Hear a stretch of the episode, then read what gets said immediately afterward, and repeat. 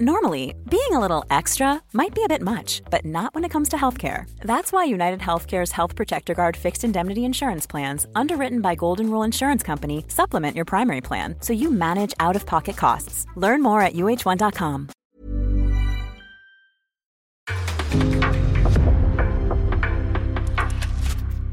En podcast från Aftonbladet.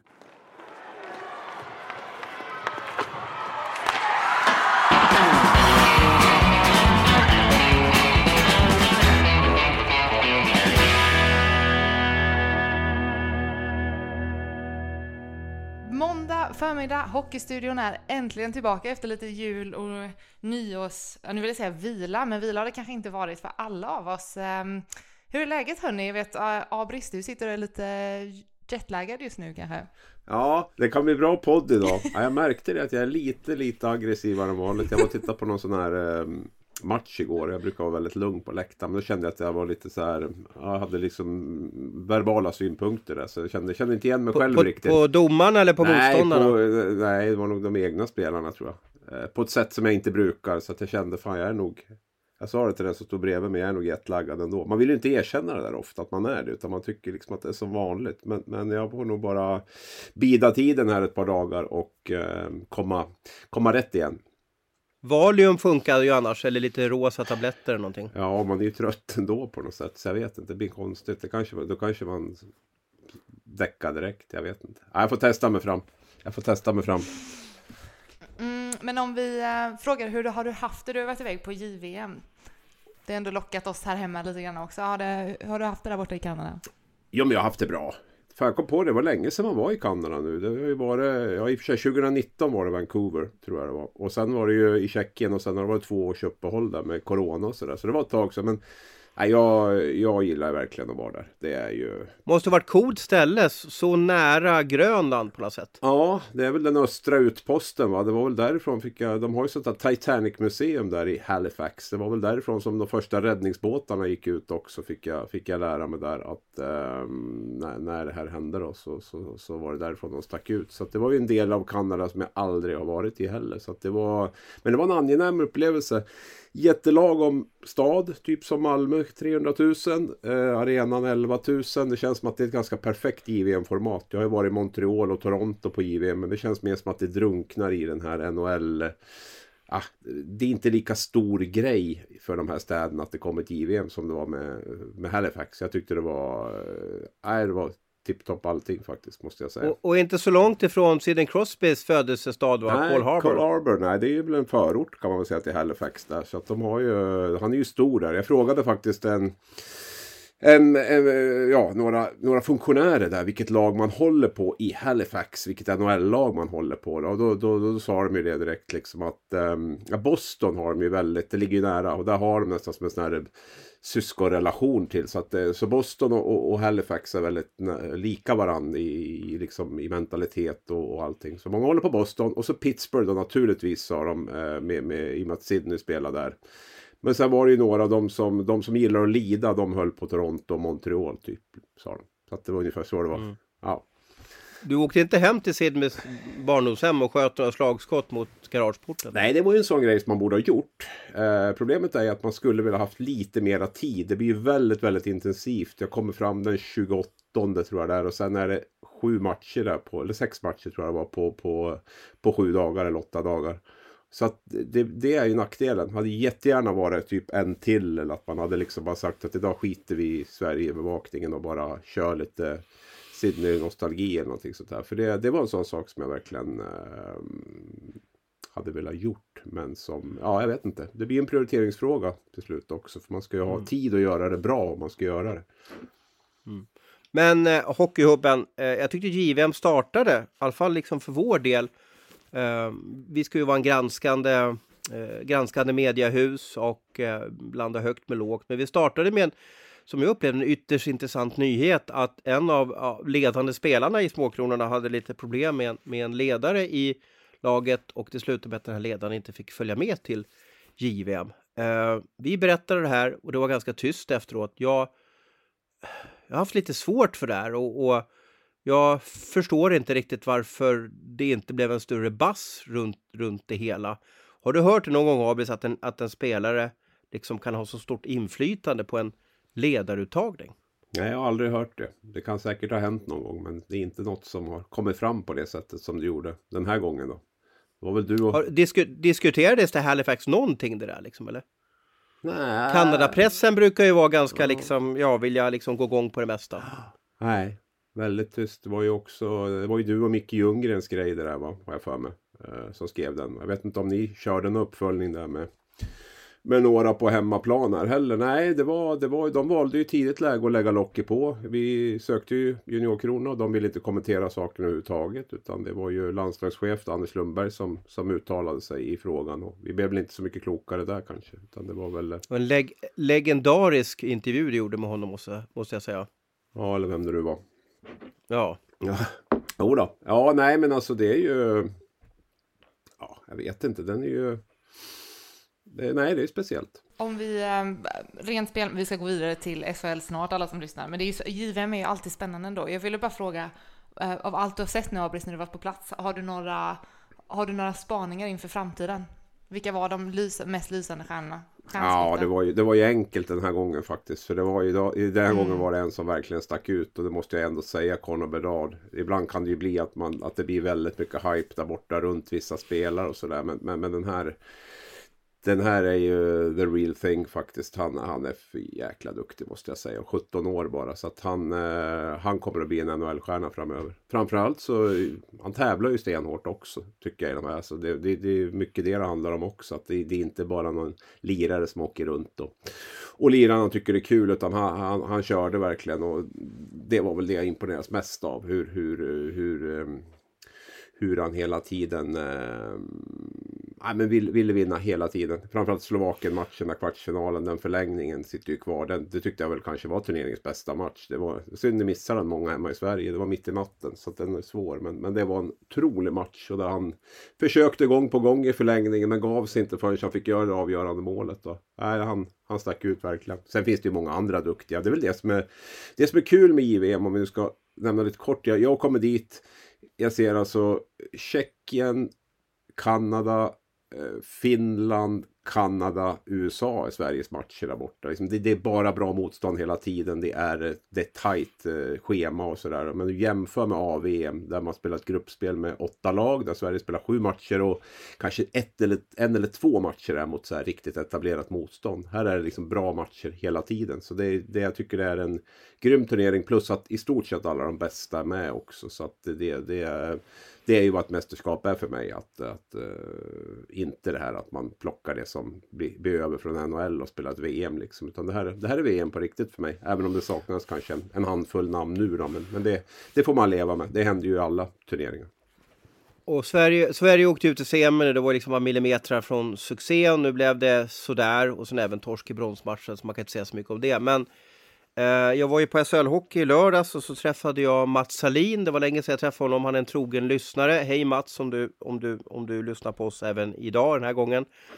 Och då satt vi och pratade lite om Connor Bedard där. Eh, och han blir ju lite som så här liten game changer precis som Connor McDavid och, och, och Sidney Crosby. Eh, skillnaden är, inte från Connor McDavid, men från Sidney Crosby, att då fick ju Pittsburgh, de fick ju första valet eh, efter lockouten där, eh, via lottning, så då fick ju de Sidney Crosby. Eh, nu ser ju Chicago ut, i alla fall just nu så är de, ja tyvärr eftersom jag håller lite på dem, eh, är ju de lite, de är ju sämst i, i NHL. Och de står ju inför liksom en förändring att eh, Kane och Taves där eh, har kanske börjat liksom gjort sitt, så att de behöver ju få in Conor Bedard. Men men även fast de blir sist så får de ju kanske bara 18% av de här eh, kulorna i Bedard-lotteriet då. Men jag tror det är laget som får, om Chicago eller nu är något av de andra bottenlagen, eh, Arizona eller någonting sånt där, eller Arizona vet jag inte om de skulle få ihop det även fast de har Bedard. De kommer ju bli ett topplag inom något år. Det är ju det som är så häftigt med det här draftsystemet tycker jag. Jag vet inte, jag kan tycka typ att draftsystemet är lite, lite, lite, lite orättvist också kanske. Men det kanske, eh, ja, jag vet inte varför. Jag tycker det är lite, lite underligt att, att man lottar bort de bästa delarna. Men det, vi behöver inte gå in på det nu kanske. Men det gör ju att du får en jämnhet över serien och jag, jag tror inte det skulle funka i Sverige men på ett sätt så är det ju så att Frölunda, HV, eh, några av de här starkaste hockeygymmen, de får ju de bästa. I den draftsystemet vi har i Sverige, som man inte ka kanske kallar för draftsystem, men för ett valsystem, de största talangerna väljer ju kanske Frölunda, eh, Rögle, Eh, ja, HV71 hockeygym har ju stått högt i kurs och så vidare. Modo stod det för, för massvis år sedan. Men de väljer ju först, de har ju alltid draftettan, drafttvåan, drafttrean i Sverige. Men det är ju för att de har bra faciliteter och en, ja, de kan kolla på en, visa på en CV på att de har en väldigt bra utbildning. Mm. Men det är inte så att Chicago kommer börja spela bättre nu liksom? De kommer ju fortsätta spela dåligt antar jag för att få Connor Bedard, eller? Uh, ja, alltså hade de, hade de varit garanterade att få Bedard, men nu får de, även fast de kommer sist, så får de 18 av, av kulorna i den här liksom tombolan. Det var ju skillnad när, när Mario Lemieux uh, uh, hamnade i Pittsburgh en gång i tiden. Då jublade ju Pittsburgh-publiken varje gång som, som Pittsburgh förlorade för att man ville komma sist för att få liksom ja, den här uh, största hockeyspelaren som, som har funnits efter Wayne Gretzky. Mm. Mm. Okej, vi ska gå vidare kanske från, um, från NHL och JVM till det vi faktiskt ska prata om, SHL. Uh, du sa att du hade varit iväg i helgen, Ros. Vad, vad var du på helgen? Nej, men jag har sett några matcher under uppehållet här och eh, mm. eh, det som kanske fascinerat mig det, det, är ju då Oskarshamn som, som stod på något sätt på en mellanväg att Många har ju trott att de kanske, nu, nu är det de som åker dit, alltså nu åker det här Lilleputtlaget, nu, nu, nu hamnar de i kval. Eh, och sen har de tre eh, matcher den här helgen och möter Leksand borta, eh, Malmö borta och superlaget Skellefteå hemma. Och Team Juel och Oskarshamn tar nio raka poäng och egentligen då så låser man att man spelar SHL nästa säsong med de här nio poängen. Eh, det är ju, det är ju det är bara 20 omgångar kvar nu av serien. Eh, bara bara 60 poäng, men, men det är svårt att förändra någonting. Men jag, jag vill påstå att de här nio poängen och den här veckan eh, gjorde att Oskarshamn bara flopp, säger det, så hamnar 55 nya SHL-miljoner in på kontot nästa år. Jag, jag, jag, jag har, har, helt klart tagit bort dem från bottenstriden. Då. Jag tänkte precis säga innan, för vi har satt dem i bottenstriden hela hösten tror jag nästan. Mm, men nio raka poäng, nio raka poäng, ja det, det är bara så smack sa det liksom sådär. Och det kan vi väl lägga till att tittar vi från senast vi spelade in podden så har Oskarshamn tagit 15 av 18 poäng. Man har alltså vunnit, tagit 5 tre poängar på de sex senaste matcherna så att eh, Nej men eh, då biter det ganska bra i tabellen mot de här bottenlagen som springer och tar ettor och möjligtvis en tvåa lite då och då. Men tar du 15 poäng på, på, på sex matcher då, då är det bye bye till, eh, till bottenregionen.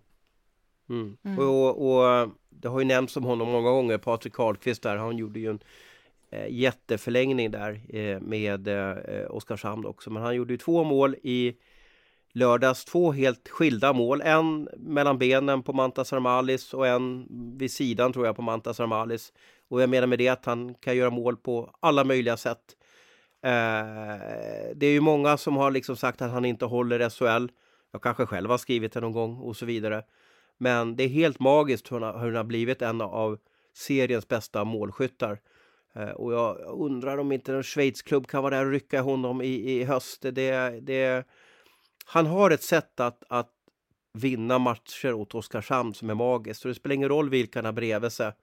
Eh, sådär. Eh, jag pratade lite med honom efter matchen där i, i, i lördags. Och, och han spelar med två eh, finska spelare. Och de pratar ju finska med varandra. Och om det är någonting de tycker att han behöver veta, ja då tar de det på engelska. Men annars så har de hittat rätt kemi och det verkar funka bra med lite pekningar och sådär.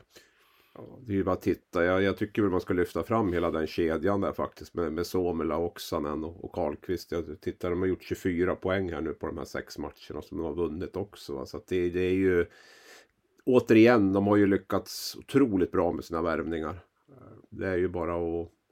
Många klubbar som skulle behöva åka på studiebesök dit tror jag och se hur, hur de kan få sån ja, dels att de hittar namnen men sen också att de får utväxling på dem. För är det någonting som vi har varit skeptiska till i den här podden genom åren så är det väl kanske finländska spelare som har kommit till SHL och, och varit på lite poängmaskiner i Finland och, och så vidare. Nu har ju Suomela lite annan bakgrund med, med NHL och så, Nordamerika i alla fall. Men, men ändå, alltså det, det är ju inte bara, det är inte så, här så att finländska spelare bara gör succé på löpande band i, i, i SHL. Men, men kommer de till, eh, till Oskarshamn så, så, så går det bra och det finns säkert flera anledningar till det. Sen gillar jag den här Schmeichel också som jag tycker är som ett internationellt snitt över en, en känns som en VM-spelare. Stor, tung, liksom rejäl. Så att de har... Nej, det är bara, det är bara att lyfta på hatten igen. Och du vet ju den här line-upen man får när man sitter på, på pressläktaren, Abris, för då står ju spelarna och så ser man poängen till höger. Mm. Och Oskarshamn blir ju nästan lite skrattretande när man ser, ser den där statistiken ja. för att det, det, är en kedja där det bara det är dubbelsiffror på mål, assist mm. och skyhöga poäng. Och sen resten är det 0, 1, 2, 3, 0, 1, 2, 3, 0, 1, 2, 3. Så att jag menar, alla lagen Uh, speciellt Leksand och Malmö som hade förmånen att möta Oskarshamn på hemmaplan, det vill säga man, man kan byta och matcha spelare. De har ju stoppat första kedjan. Men det går ju, alltså de lyckas ju inte göra det, fast Leksand då i lördags har en del jobbiga spelare som Jon Knuts, Martin Karlsson och så vidare som de matade mot den här kedjan. Så hur, när man ser på statistiken efter matchen, ja då har ju den där kedjan gjort tre av fyra mål. Uh, och, och uh, det var ju så glädje i Oskarshamns rum då. De har ju en, en legendarisk materialförvaltare som heter Benny Bokvist där och eh, jag var inte med i omklädningsrummet men jag stod precis utanför och lyssnade och han bjöd ju på sin speciella nakendans där i omklädningsrummet. Så jag, jag, jag kände att efter de här nio poängen då, eller 15 och 18 poäng som de menar, nu kan de andas ut. Nu blåser de ut luften. Nu är deras mission completed. De är kvar i SHL och då blev det Benny-dans i omklädningsrummet. Mm, det finns ju ett eh, specialavsnitt av Hockeystudion för övrigt med Benny som vi gjorde i förra året tror jag. Uh, otrolig karaktär i Oskarshamn. Jag tror han är viktig också för att det ska, vara, det ska bli ett garv och det ska inte bli så allvarligt och, och, och sådär. Jag tror det där kan vara bästa belöningen för det här laget och, och få se honom racea loss i omklädningsrummet. Mm. Men vad är, det som gjort, vad är det som har gjort just nu att Oskarshamn funkar? För jag tänker, de har ju gjort, de har ju bombat in mål hela hösten väl? Alltså Karlqvist och gänget. Ja, de har, ju släppt in, de har ju släppt in väldigt mycket mål tidigare. Det är det jag sagt tidigare också i podden. Att deras problem mm. är ju, som de, de, gör, de var ju tvungna bara att, att, täta till bakåt. För målen framåt har de gjort hela hösten. Men de har ju släppt in fyra, fem, sex mål. Liksom så här, och då är det svårt att, även om du har seriens bästa poänggörare så är det svårt att vinna matcher när de kommer upp i dem. Nu har ju dels försvarsspelet blivit bättre och sen har ju Tim Ewell kommit in och, och spelat otroligt mm. bra här. Han har man ju nästan mm. så glömt bort. Han har ju inte fått spela knappt under hösten och Canada har väl blandat och gett tycker jag då. Eh, mm. Men nu kommer Ewell in och så är han så här bra som han var i typ eh, kvartsfinalen mot Rögle i, i våras där när han var ett monster när Canada var skadad återigen. Så att eh, mm. Nej, det, det... Och den här veckan, jag, jag, ska fortsätta hylla Team Joel också för det, det har ryktats bort från Oskarshamn för övrigt där. Men alltså han, han, i den här viktiga veckan, den här första veckan, man möter Skellefteå som hade 16 raka matcher, alltså segrar. Eh, totalt sett den här veckan så fick han 121 skott på sig, Tim Juel, och räddar 117 av dem. I de här viktiga lägena. Eh, det, är, det är bara att ställa sig upp och applådera. Eh, sjukt bra jobbat av Juel.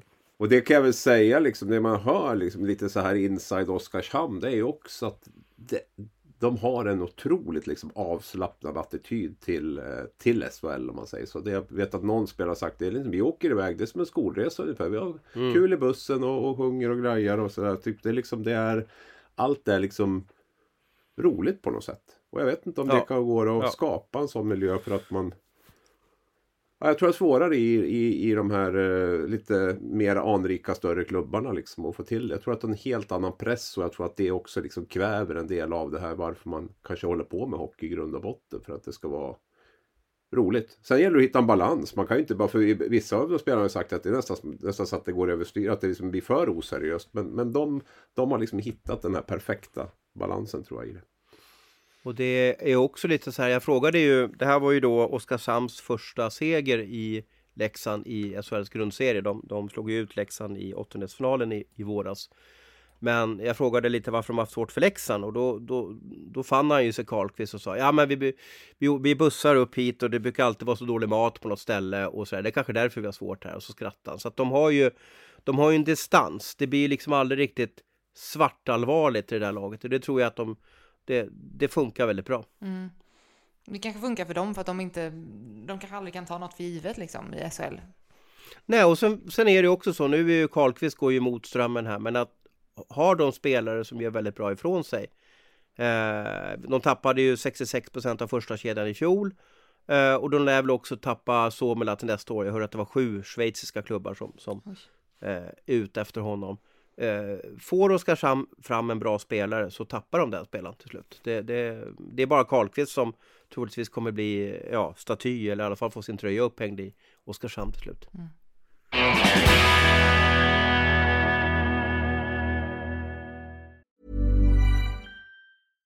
Flexibility is great. That's why there's yoga. Flexibility for your insurance coverage is great too. That's why there's United Healthcare Insurance Plans.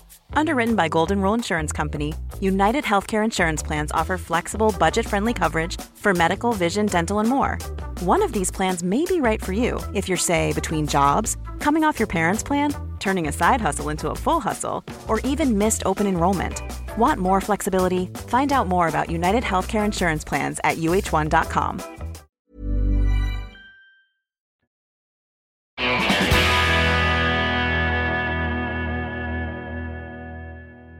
Abris, du skrev till mig en Leksands trupp.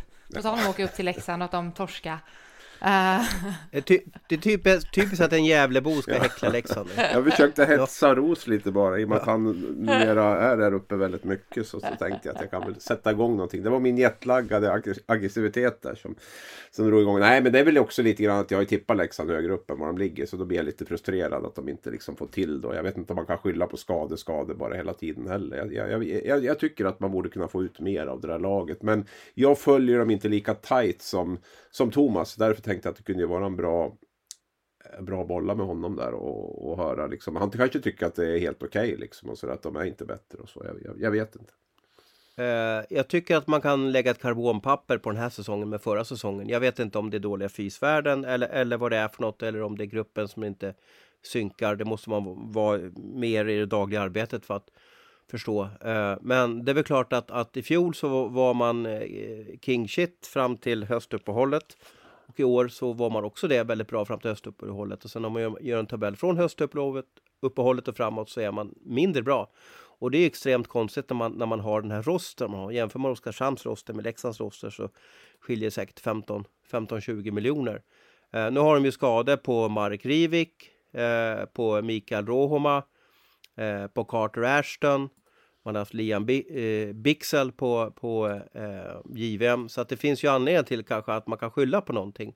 Men även fast när liksom hela laget var intakt eh, så mm, fick man ju liksom aldrig riktigt igång det. Och, och mm, stora problemet är väl kanske att Mark Rivik inte har kommit upp i nivå den här säsongen. För han startar alla powerplay, han startar alla matcher.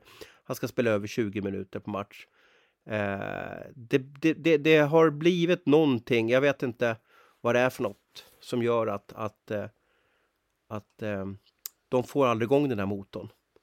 Nej, och spelar Ivik överhuvudtaget? Det känns som att han... Nej, nej han spelar nej, inte. Då är det ju svårt också att leda, leda laget, tänker jag. Eh... Jo, men även när han är med så, så blir det ju som att det blir inte... Alltså laget blir inte bättre med honom. Nej. Eh, så att, eh, lite märkligt, lite märkligt är det. Eh, och jag tror inte att, eh, att eh, Leksand kommer komma topp 6 eh, den här säsongen. Eh, det, det är någonting som, som hackar, det, det, funkar inte riktigt. Det blir liksom inte riktigt det blir inte farliga målchanser. Det, det, det blir bara liksom tre plus över allting. Mm. Mm, vilket, eh, om ni får gissa nu då, vilka tror ni kommer hålla topp 6? Jag, ja. jag tror att Rög, Rögle kommer nypa Timrås plats, eh, topp 6 tror jag. Så att då, då blir det ju då Växjö, Skellefteå, Frölunda, Färjestad, Rögle, Örebro. Och jag skulle nog säga att Rögle nyper Örebros plats faktiskt, skulle jag säga. Um, så att då blir det samma lag då, fast jag säger att uh, Örebro åker ner och Timrå blir kvar. Vi kanske kommer in på Örebro här. Eh, men jag tycker vi kan att... gå in på jag, dem jag, nu. Vet, ja, precis. Nej, men jag, jag är osäker på det. Det har varit väldigt stökigt där. Jag tycker man överpresterar med det laget man har också som, som, som ligger topp 6 där. Nu eh, har det varit väldigt turbulens runt lagkapten Rodrigo Abols. Det har varit turbulens runt tränaren Niklas Eriksson. Det är lite, ja, lite allmänt oroligt skulle jag säga där. Och eh, ja, därför tror jag att man kommer få tufft. Jag tror att man måste ha allt på plats för att vara ett topp 6-lag. Och där tror jag väl kanske inte riktigt att, att Örebro är. Just det. Hur går det, med, hur går det i Örebro dock, med allting som, som händer och sker? Det är inte klart med ny tränare än va?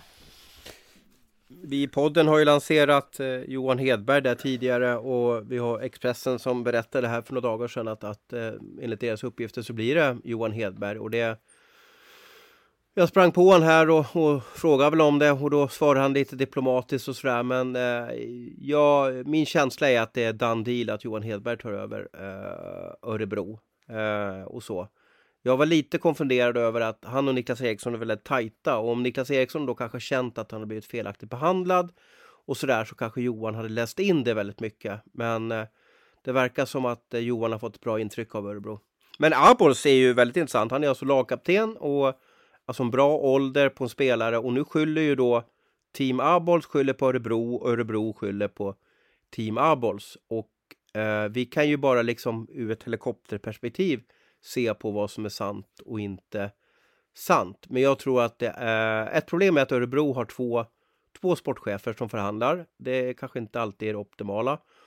Och eh, sedan så får jag en, en eh, känsla av att Abols kanske ville iväg också. Att han kände att det var dags att, att, att lämna. Och att kanske Örebro också fick en hint om vad det är för prislapp och då valda inte ens att gå in i en förhandling. Ja, alltså det, det är ju... För mig är det ganska uppenbart att det är så det har gått till. Det är väl klart att om man har en, en bra agent Eh, så, så sonderar väl han marknaden, kollar vad, vad, vad, vad ligger, vad, vad kan man få betalt för Abols? Kollar runt lite bland andra klubbar. Man återvänder till Örebro och säger att är ni intresserade av att förlänga så ligger prislappen, vi vill ha så här mycket. Och då tror jag att Örebro kände att nej, det här är för mycket pengar för oss. Vi, vill inte, vi är inte beredda att betala så mycket för, för Rodrigo Abols. Eh, och då blev det ju aldrig någon förhandling heller på det sättet. Och det är klart att då lägger man aldrig något bud heller. Och det, sen kan man ju tolka det där från olika sätt.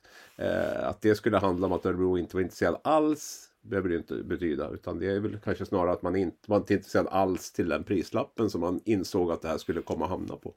Men är det inte konstigt att man inte är intresserad alltså på något sätt? Alltså, han är lagkapten, publikfavorit, rätt ålder. Eh, han levererar ändå. Han hade väl en dålig start den här säsongen men har liksom kommit tillbaka. Jag har sett honom några matcher. Jag minns jag såg honom mot Brynäs i, i åttondelsfinalen i, i ja, förra året. Tycker jag han var som en maskin, ånglok som bara körde över Brynäs. Alltså det finns ju väldigt stor potential i honom. Jag har lite svårt för att man inte är beredd att betala för det mer. Eh, just med att han har ett C på bröstet också och liksom används på affischer och, och sådär. Det finns ju ett värde i det också.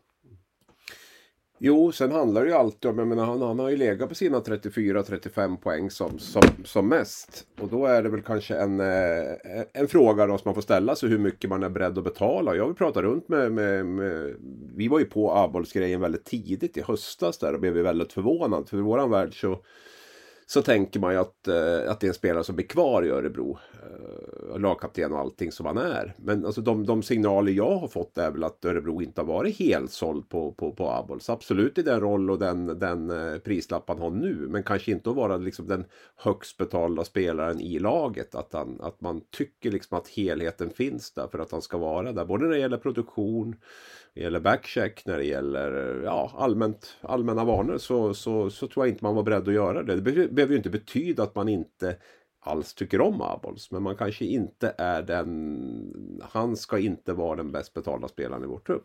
Men det blir också konstigt om man byter tränare för då borde ju en tränare få sätta prägel på laget. Vilken hockey vill man spela? Vilka spelare behövs för att spela den hockeyn? Det är ju omöjligt att veta i... Som jag förstått det så blev jag ju klar för Rögle i november redan. Eh, och då, då var ju Johan Hedberg definitivt inte klar för laget. Så jag, jag, tycker att man borde från Örebrohåll lugnat Team Abols och säga att eh, vi vill sätta en tränare först. Kan vi få till januari på oss? Ja, eller också har man ju som sportchef och general manager och jobbat sida vid sida med honom i fyra fem år nu och tyckte att man hade det beslutsunderlaget och fattade det beslutet själv att eh, vi, vi, vi, vi tänker gå vidare med andra spelare. Det kan ju vara så. Ja, spännande att det händer saker, så kan jag säga i alla fall. Det är, det är väldigt sällan en lagkapten byter lag sådär. Nej, och framförallt inte går ut och berättar så öppet om det. Det är ju...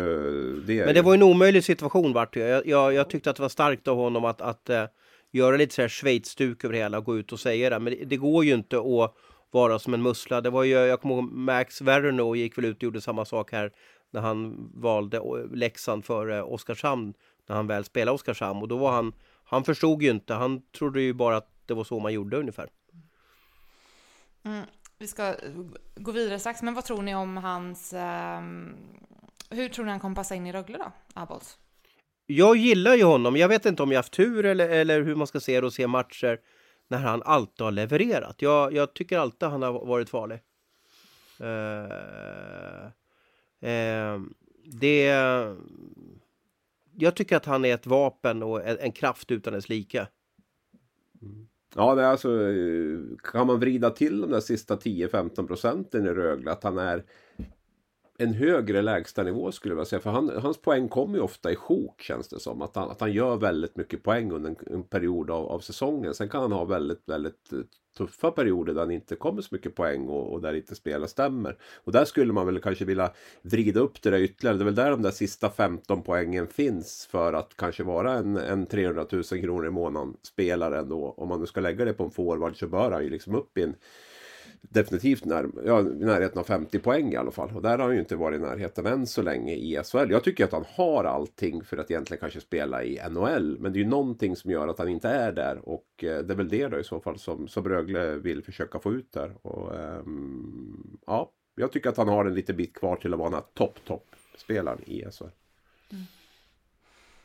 Mm, vi ska um gå in lite på, jag tänker så här, vi sparar bottenstriden lite för den är ju faktiskt, det är ju alltid hett att prata om bottenstriden och vi gillar ju att prata om krislag och så vidare. Men vi kan ju stanna till lite i, i toppen en sväng. Jag tyckte att det var tråkigt men intressant att Skellefteå inte lyckades uh, slå rekordet.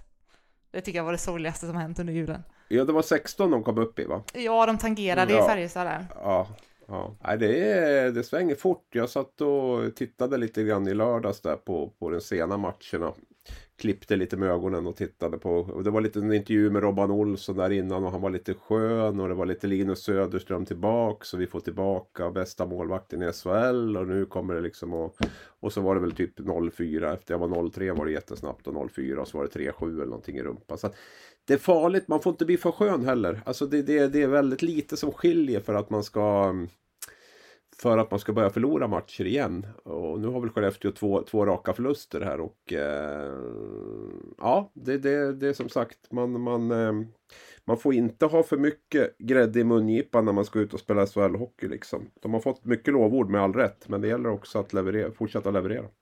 Det kommer de väl att göra säkert. Sen att slå ett rekord, det finns ju några rekord som är jättesvåra att slå. Det är ju bland annat Färjestads segerrekord och du har eh, att slå Håkan Loobs eh, 76 poäng, de här är ju jättesvåra att, att nå. Eh, och, och Skellefteås säsong, de hade ju jättemånga torsk i rad också, sen började de vinna. Eh, det är ju, ja, jag säger inte att det är omöjligt, men, men, men i SHL 2022-2023 att, att vinna 16-17 matcher, oh, det ska inte ske egentligen. Det, det är för tight serie och för de har även spelat liksom, eh, ja, Champions Hockey League här så att det, det har varit väldigt många matcher för dem. Så att jag, de har gjort det väldigt bra. Eh, sen så föll de ihop totalt här mot Linköping och det, jag förstod nästan att det ska bli så att när man har jagat ett rekord och så viker man ner sig mot Oskarshamn och man kanske inte viker ner sig, Oskarshamn gör en bra match, men, men då kommer ofta ett bakslag och en baksmälla. Hur många släppte de in mot Oskarshamn? Var det typ? Tre mål va? Och sen var det sju där i, i, i Linköping. Så det var tio ja. mål och före det så hade man alltså eh, elva på åtta matcher insläppt. Mm. Man har haft lite målvaktsproblematik där med, med Lindvall som har varit skadad eller blivit skadad hela säsongen och mm. Linus Söderström som jag tror blev sjuk också några matcher. Mm. Ja, han har varit borta en stund. Men nu har han varit tillbaka i alla fall senast. Mm. Vilket lag går eh, starkast just nu i SHL? Men i tabellen så är det ju, eh, jag menar Oskarshamns trend är ju, är ju magisk. Sedan är ju Växjö som, som bevisar ju liksom, de, de får aldrig några långa, långa dippar och, och, deras defensiv sitter ju helt perfekt. 73 insläppta mål på, på 33 matcher. Det, det, det är svårt att slå Växjö. Ja, titta på de tio senaste så är ju Växjö liksom 23, 23 poäng på de tio senaste. Så tuffa på. Frölunda går ju rätt så bra nu också faktiskt, lär vi ju säga. Eh, tycker de har plocka bra med poäng. Eh, så att det, är väl de, det är väl de två framförallt, förutom Skellefteå då, naturligtvis också. Men, men tittar vi på de tio senaste, oavsett hur, hur häftig kurva Skellefteå har med 16 raka så, så har Växjö tagit fler poäng då, med tanke på att Skellefteå förlorade de två senaste. Så att, eh, nej, de, gör, de gör det jättebra där i, i, i Växjö måste jag säga. De, de har en förmåga att vinna matcher. Mm. Mm, några som har förmåga att vinna och avgöra matcher dock är ju Färjestad. Har ni tänkt, har ni tänkt på det att de har vunnit typ tre övertids slash straffmatcher de senaste veckorna? De har ju en spelare som heter Joakim Nygård som, som älskar att spela tre mot tre. För det blir så mycket yta och så mycket is för honom att skrinna loss på. Det, det, han är ju en eh, speciell kille eh, som älskar... Sen har väl en okej straffskytt också i Viktor Ejdsell. Fick, nådde mig borta i Halifax ja. där. Fast det visste jag redan innan jag åkte dit. Men, men, men han, han har ju rätt, så, rätt bra flow på, på, på straffar och så. Nej men Färjestad har ju blivit det här. Det har vi varit inne på tidigare att man är ju mer det här gedigna laget nu. Det är inte lika flashigt som tidigare men man är eh, som, eh, som under Penneborn-eran. Då man var bra då var man väl riktigt bra. Och sen hade man, var man ju väldigt dålig när man var dålig. Nu är man mer det här eh, homogena laget som, som alltid är med i matcherna och som ofta också får med sig poäng därifrån. Ofta segrar. Så att det, det, är ju, det är ju lite Färjestad. Det är ju inget man har ju gjort en ganska rejäl... Alltså man tittar på deras värvningar till säsongen, vad man tappade och vad man fick in. Så, så tycker jag fortfarande att Färjestad gör det väldigt bra. Inte minst med tanke på att man haft en hel del skador också. Eh, på Lennström bland annat och lite sådär. Så jag, jag tycker att de eh, i lite skymundan gör det väldigt bra sett till man har liksom matchat in fem, sex allsvenska spelare på, på riktigt tunga pjäser. Men Wikström borta fortfarande liksom där. Och, Virtanen borta, Delaros borta, Rydal borta, Furch borta. Liksom det är... Um, mm, nej, ja, jag tycker att de... Um... Sen var ju matchen mot Timrå här i lördag speciell. Jag vet inte om ni har sett, jag har väl flugit på sociala medier, simor intervjun med, med tränare mm. Karlsson där. Eh, var han skriker ta bort tvn, ta bort stäng tvn. Stäng av för fan. För de, de, ja, stäng av tvn, ta bort. vet, så att det var väl några domslut som gick emot Timrå där. Eh, nu, nu kanske det kommer jämna ut sig över säsong då, men, men, eh, men eh, eh, de hade inte domaren med sig i lördags eh, och sådär och det vädrade Karlsson ganska tydligt i, i, i intervjun. Ja, det är klart att man... Det var ju några sekvenser också som man såg inte skulle ha varit utvisning, men, men ah, det är väl inte så lätt för domarna heller. Nej, de gör ju misstag också. Sen kan vi alltid diskutera om eh, hur de kan bli bättre och så. Jag, jag, jag, jag uppmärksammar ju det här att det är ju, jag tror inte det finns någon mer annan liga än SHL där det gnälls mer på, på, på olika saker. Nu är jag ju inte riktigt koll på alla ligor i Europa och sådär. Men jag, jag känner som att det är otroligt gnäll hela tiden. Och det är ju inte så att det finns 20 domare som vi kan stoppa in istället som är bättre. Utan det här är ju ändå det är ju de bästa som, som vi har. Eh, jag tror inte liksom att någon sitter och tjuvhåller på någon superdomare nere i division 1 eller, eller Hockeyallsvenskan bara för att inte släppa upp dem i SHL. Utan det här är ju de bästa. Sen, sen kan man alltid diskutera hur, hur man jobbar med dem. Min uppfattning är ju att man jobbar mycket, mycket hårdare med domarna de senaste åren med, med Thomas Torsbrink och eh, Putte Sjöberg som jag tycker jag ser på ja, stort sett varenda gång jag är ute så är de på arenorna. De är hands-on där. Jag tror att de jobbar väldigt intensivt med domarna.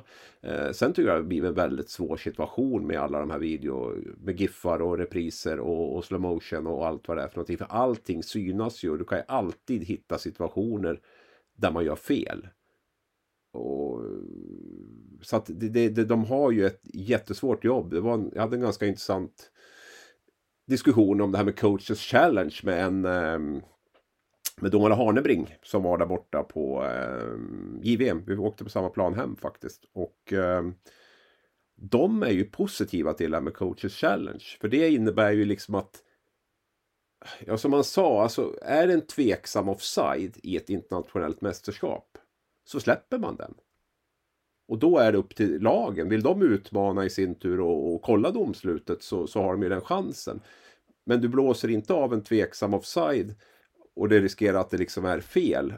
För då finns ju inte den här andra chansen som finns med coaches challenge. Och det är ju lika med bortdömda mål också. Att, och jag håller med om det, att jag tror att domarna skulle bli friare att döma om lagen hade en second opinion där och fick välja själv. Om jo, men det är ju det är ju egentligen bara vid målstationer offside som, som man kan... Ja, men det är ju liksom inte bara. coacha, Ja, men det är ju inte bara. Nej, men, men det kan ju vara en hakning i mittzon så får ni avgörande Ja. eller någon som ramlar på en klubba och det blir en utvisning. Men är Alltså, inte det ju- idrott vi, vi, kommer all, vi kommer aldrig få en perfekt hockey och det är väl det vi måste fundera på. Vill vi ha en perfekt hockey där allting är hundraprocentigt rättvist eller hur vill Nej, vi ha det vill vi inte ha. Jag vill inte ha det. Vi kommer aldrig att få det. Och idrott är ju, är ju sådär. Och jag tror som du var inne på att över en säsong så, så jämnar det ut sig. Om man inte åker runt och tycker för mycket synd om sig själv. För då, då kommer det inte att jämna ut sig. Men om man kör på så kommer det att jämna ut sig. Det är jag helt övertygad om.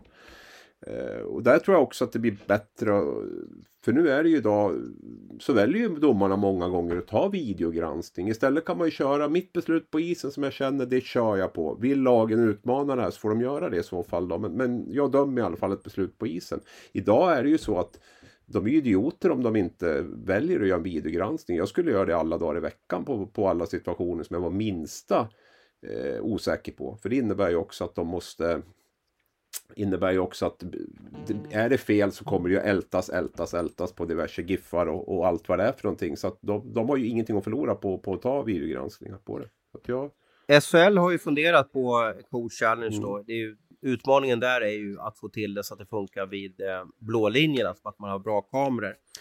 Så att att ja, avgöra. om- och det är ju det här som Ja, är lite... Men, men det är ju en, det är en kostnad Mm. som, man ska, som klubbarna ska ta och den vill de inte ta. Nej, och det är också så här kan jag tänka mig att är du bortalag, liksom så här, du kanske inte har de riktigt samma resurser med dig och, och, och har möjligheterna heller att få fram de här rätta bilderna väldigt snabbt och sådär som, som, som krävs för en coaches challenge. Jag, jag kan inte exakt hur det där funkar, men jag skulle kunna tro att det är eh, Vissa kanske inte ens har en videocoach med sig på, på, på bortamatcher och sådär och, och har den möjligheten. Man ser ju NHL-lagen, de går ju, där går ju tränarna ihop sig så står de och kollar på någon typ av Mm. Monitor eller tv-skärm och så av, Ja, det är ju kanske, man kanske tar en timeout. Nu gäller det att få bilderna snabbt. Då. Ja, blixtsnabbt och det ska vara Mm. bra bilder också. För att eh, det är ju som sagt, torskar du på den så är det ju en två minuters utvisning då. Om du begär en coaches challenge och det inte går igenom så är det ju två minuter. Gör du en, ytterligare en gång och missar så är det fyra minuters utvisning. Så att det, det gäller ju att tänka sig för också. Ja, jag har lite svårt för att vi, vi ska ha den här, men jag tror att vi kommer få det inom några år. Jag tror att eh, vi går mot en mer, en typ av, som, som kan upplevas, en mer datoriserad och toppstyrd. eh, Ja, jag tänker väl också att det blir ett, ett mindre videokollande från domarna. Man kommer att släppa fler tveksamma offsider. Man kommer att, att, att, att döma mål eller inte mål på fler sådana situationer. Så jag tror att man får igen det lite grann i, i andra änden. Att, att, eh, att det kommer att bli färre avbrott på det sättet. Det, det viktigaste för mig är att vi är i alla fall 100% säkra idag 2023. Eh, att ett mål är ett mål. Eh, det är för mig det absolut viktigaste.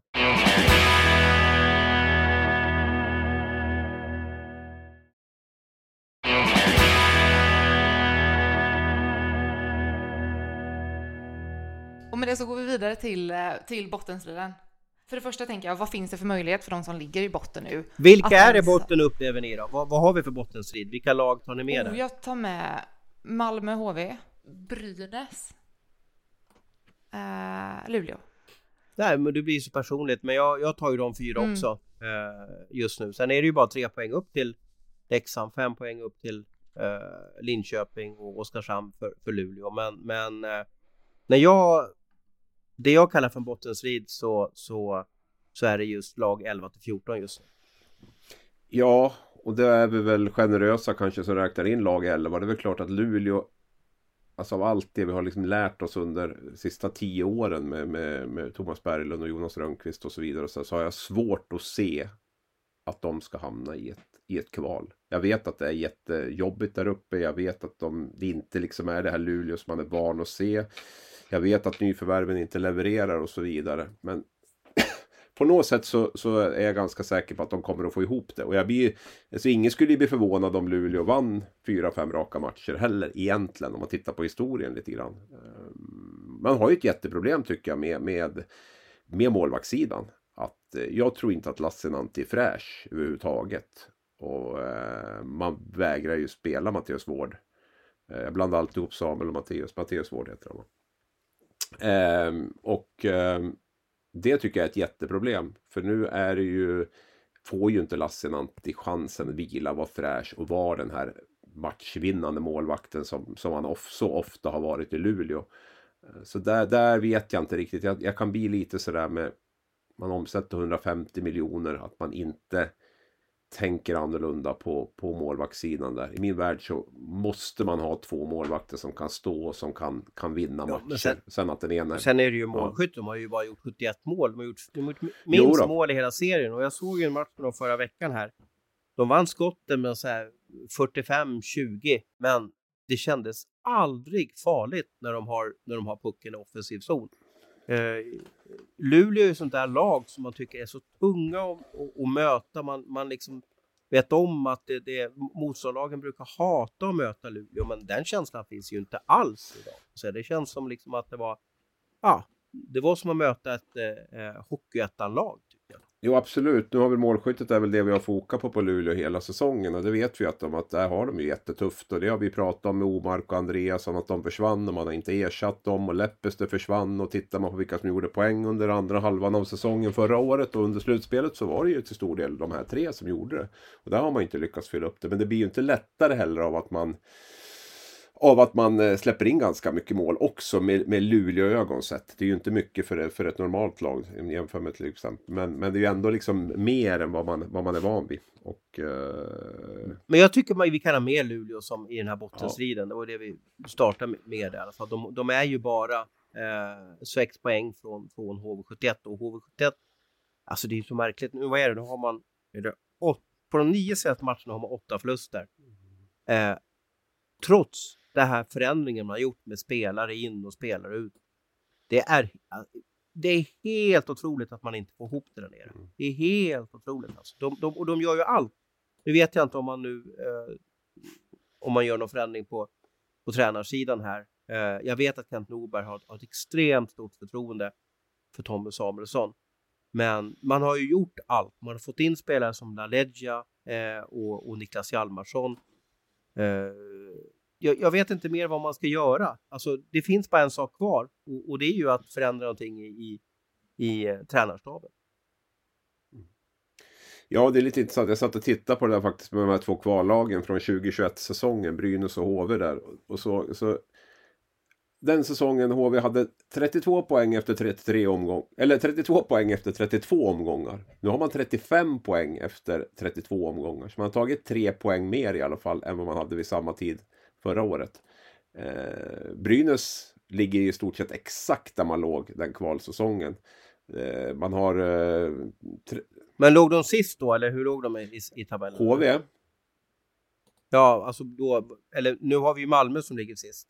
Var förutsättningarna identiska? Eh, det var som väldigt haltande tabell då för det var ju covid. Så det var väldigt mm. svårt att det skilde så fem matcher mellan lagen. Så att jag, jag gjorde ingen, tog inte ut någon snitttabell på den då faktiskt. Um, Nej, för Malmö måste ju passera både HV och ja, Brynäs för att ta sig ur Brynäs låg näst sist i alla fall säsongen 2021. Då hade man alltså tagit 38 poäng på 33 matcher. Och nu ligger man trea från slutet och har tagit 39 poäng på 33 matcher. Vilka, vore den, vilka är den häftigaste negativa kvalfinalen då? Om jag säger så. Vad tycker ni?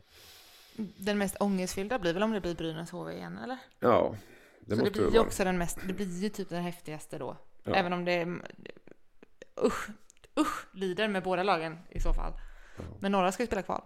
Men det är väl klart att... Och ja. tänk, tänk om HV åker igen. Ja, och det är väl som jag säger, du fyller på med spelare. Jag tänker så här, hur, hur, hur bygger man en gruppkemi? Hur bygger man en hierarki när det hela tiden pumpas in nya spelare i, i ett lag? Det måste jag, skulle jag tycka var lite måste vara knepigt liksom. Även om man kanske tycker att man eh, behöver förstärka och sådär. Men det måste ju också vara svårt att få ihop den här eh, gruppkemin när det kommer in så otroligt mycket spelare.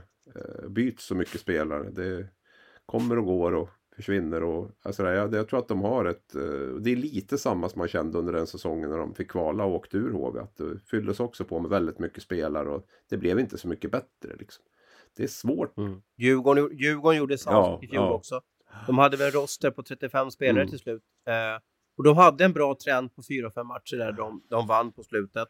Man hade ju räknat bort Djurgården för, för ett år sedan.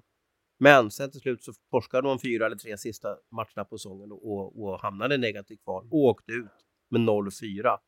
Så att, eh, ja men det, det, väntar en otroligt spännande tid för oss som har den här ynnesten att bevaka hockeyn med både eh, kvaldaller och ja, slutspelsfest. Sen är det väl, jag menar skulle Luleå hamna ett kval så klart att det, jag tror inte att de gör det, men om vi, skulle, vi räknar in dem där ändå så är det naturligtvis eh, alltså ett, ett finallag då som året efter eh, får kvala. Jag kommer ihåg att Djurgården fick väl det med, var det 2010 man spelade final mot HV och sen åkte ut året efter eller mm. någonting sånt här va?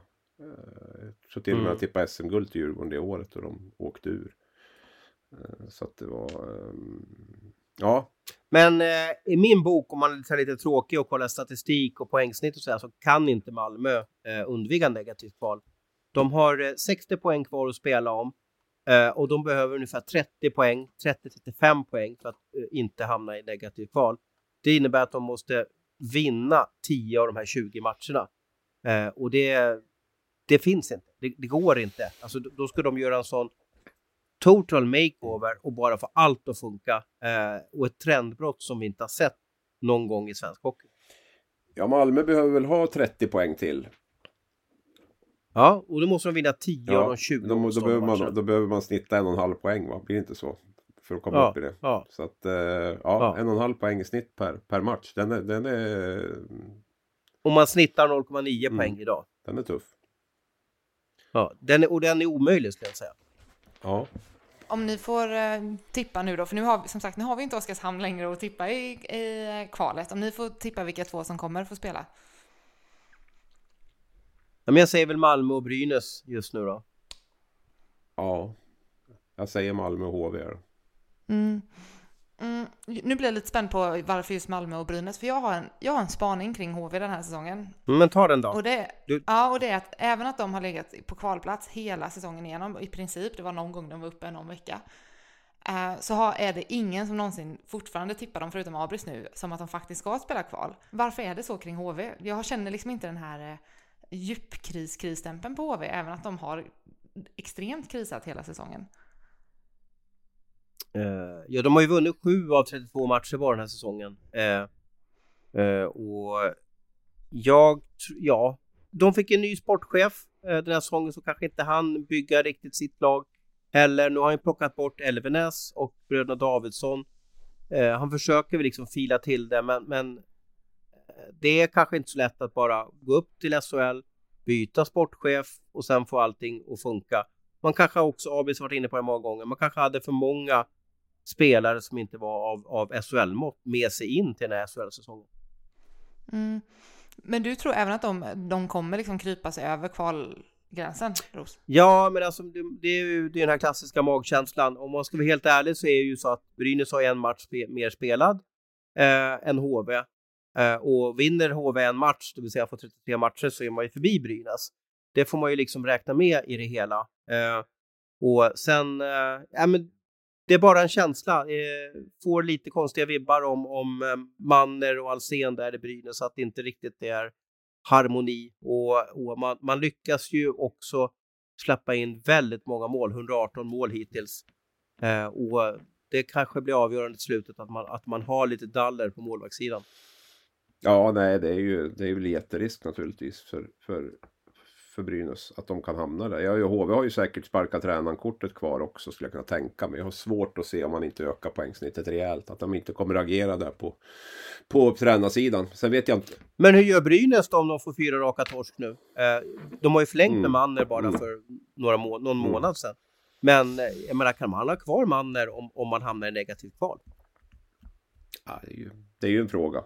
Eh, Brynäs har ju sparkat tränare som haft mer än ett och kvar på kontraktet tidigare. Så det har ju aldrig varit något hinder. Så, så det, det, är nog, det, det kan väl mycket väl vara att man, att man agerar där. Det är ju jättesvårt att säga. Det som jag tror talar, eller det som som jag tror möjligtvis kan tala för att Brynäs klarar kval, det är väl att man ändå har en, någon typ av stomme med, med, med, spelare som ändå är härifrån och som från Gävle och som, som är väldigt rutinerade och relativt meriterade också. Som, som förhoppningsvis då ska ändå dra lasset här i, eh, i slutet av säsongen.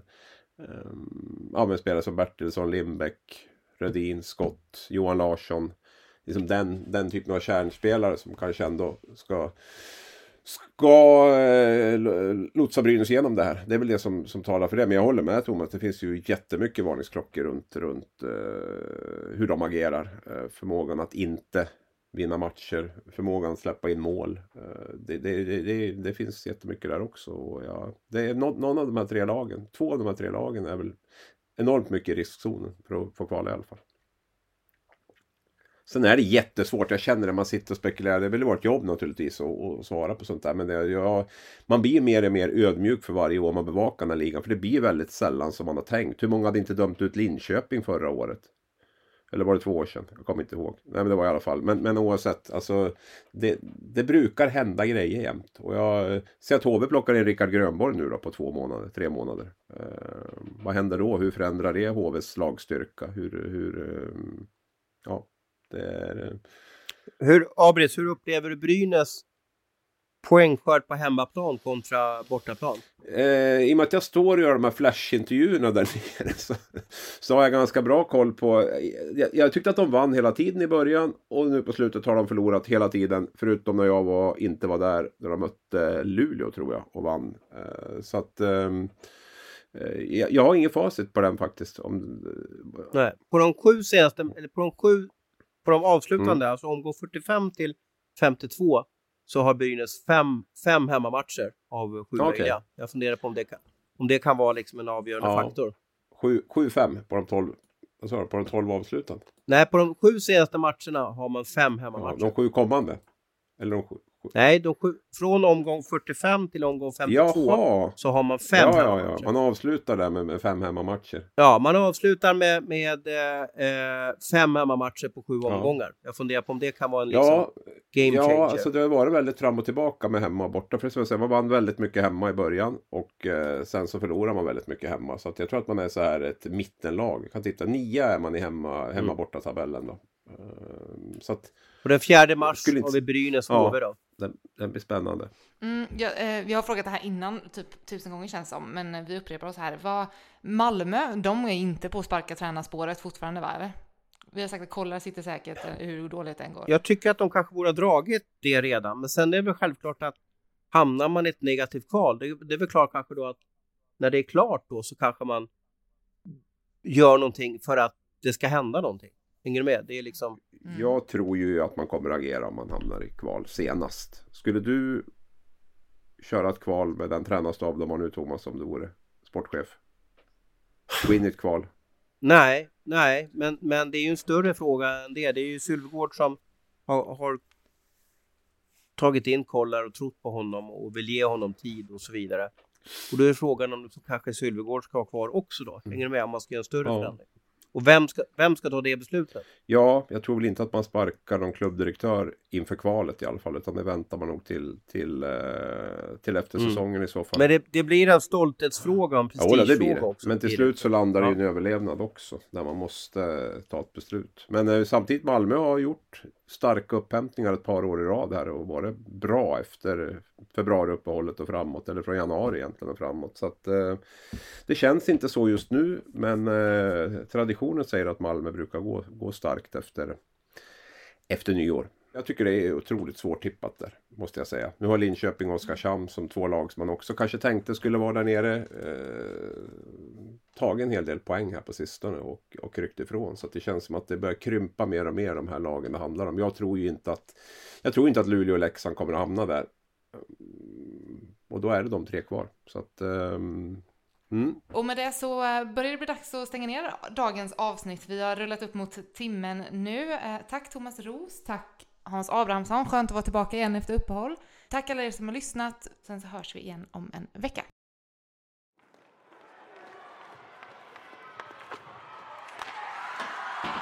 Du har lyssnat på en podcast från Aftonbladet. Ansvarig utgivare är Lena K Samuelsson.